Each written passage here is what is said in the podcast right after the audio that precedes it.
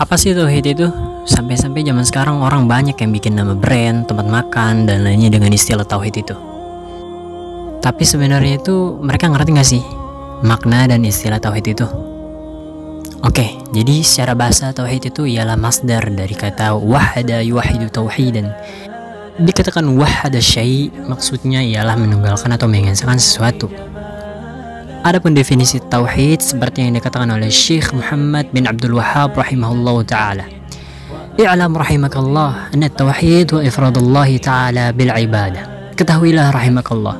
Di sini disampaikan dengan rasa kasih sayang penulisnya kepada pembacanya bahwa tauhid adalah mengesahkan Allah dalam ibadah.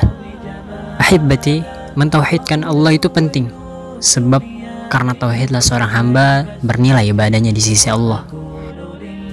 Dan tauhid terbagi tiga yaitu tauhid rububiyah, uluhiyah, asma sifatnya Allah. Apabila salah satunya kita tidak imani maka cacatlah tauhid kita.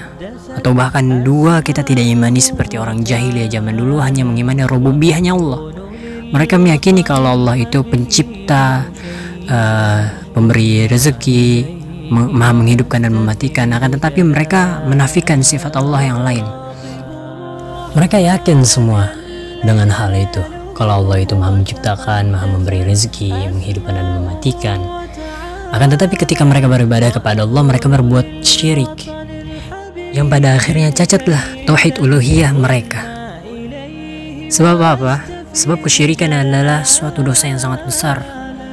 Kata Luqman kepada anaknya, Ya bunayya la tusyrik billah. Inna syirka la zulmun azim. Kata Luqman, wahai anakku, janganlah engkau mempersekutukan Allah. Sesungguhnya mempersekutukan Allah adalah benar-benar kezaliman yang besar. Inilah tauhid yang diajarkan Luqman kepada anaknya.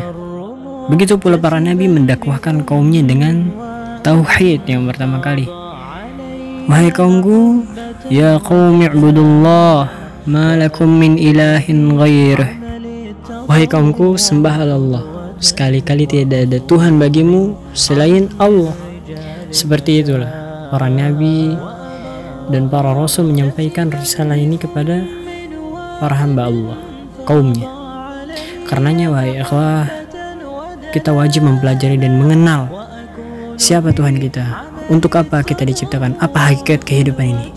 Sudahkah sempurna tauhid kita?